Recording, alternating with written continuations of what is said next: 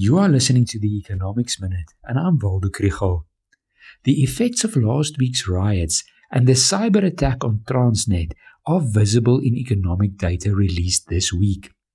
Absa's Purchasing Managers Index fell by 14 points in July, from positive territory of 57.4 in June to 43.5 index points in July. This indicates a contraction of activity, and the index is at its lowest level in 14 months. The supply side and business confidence shocks that have hit the manufacturing sector includes the third wave of coronavirus infections, the level 4 lockdown, and social unrest in KwaZulu-Natal and Gauteng.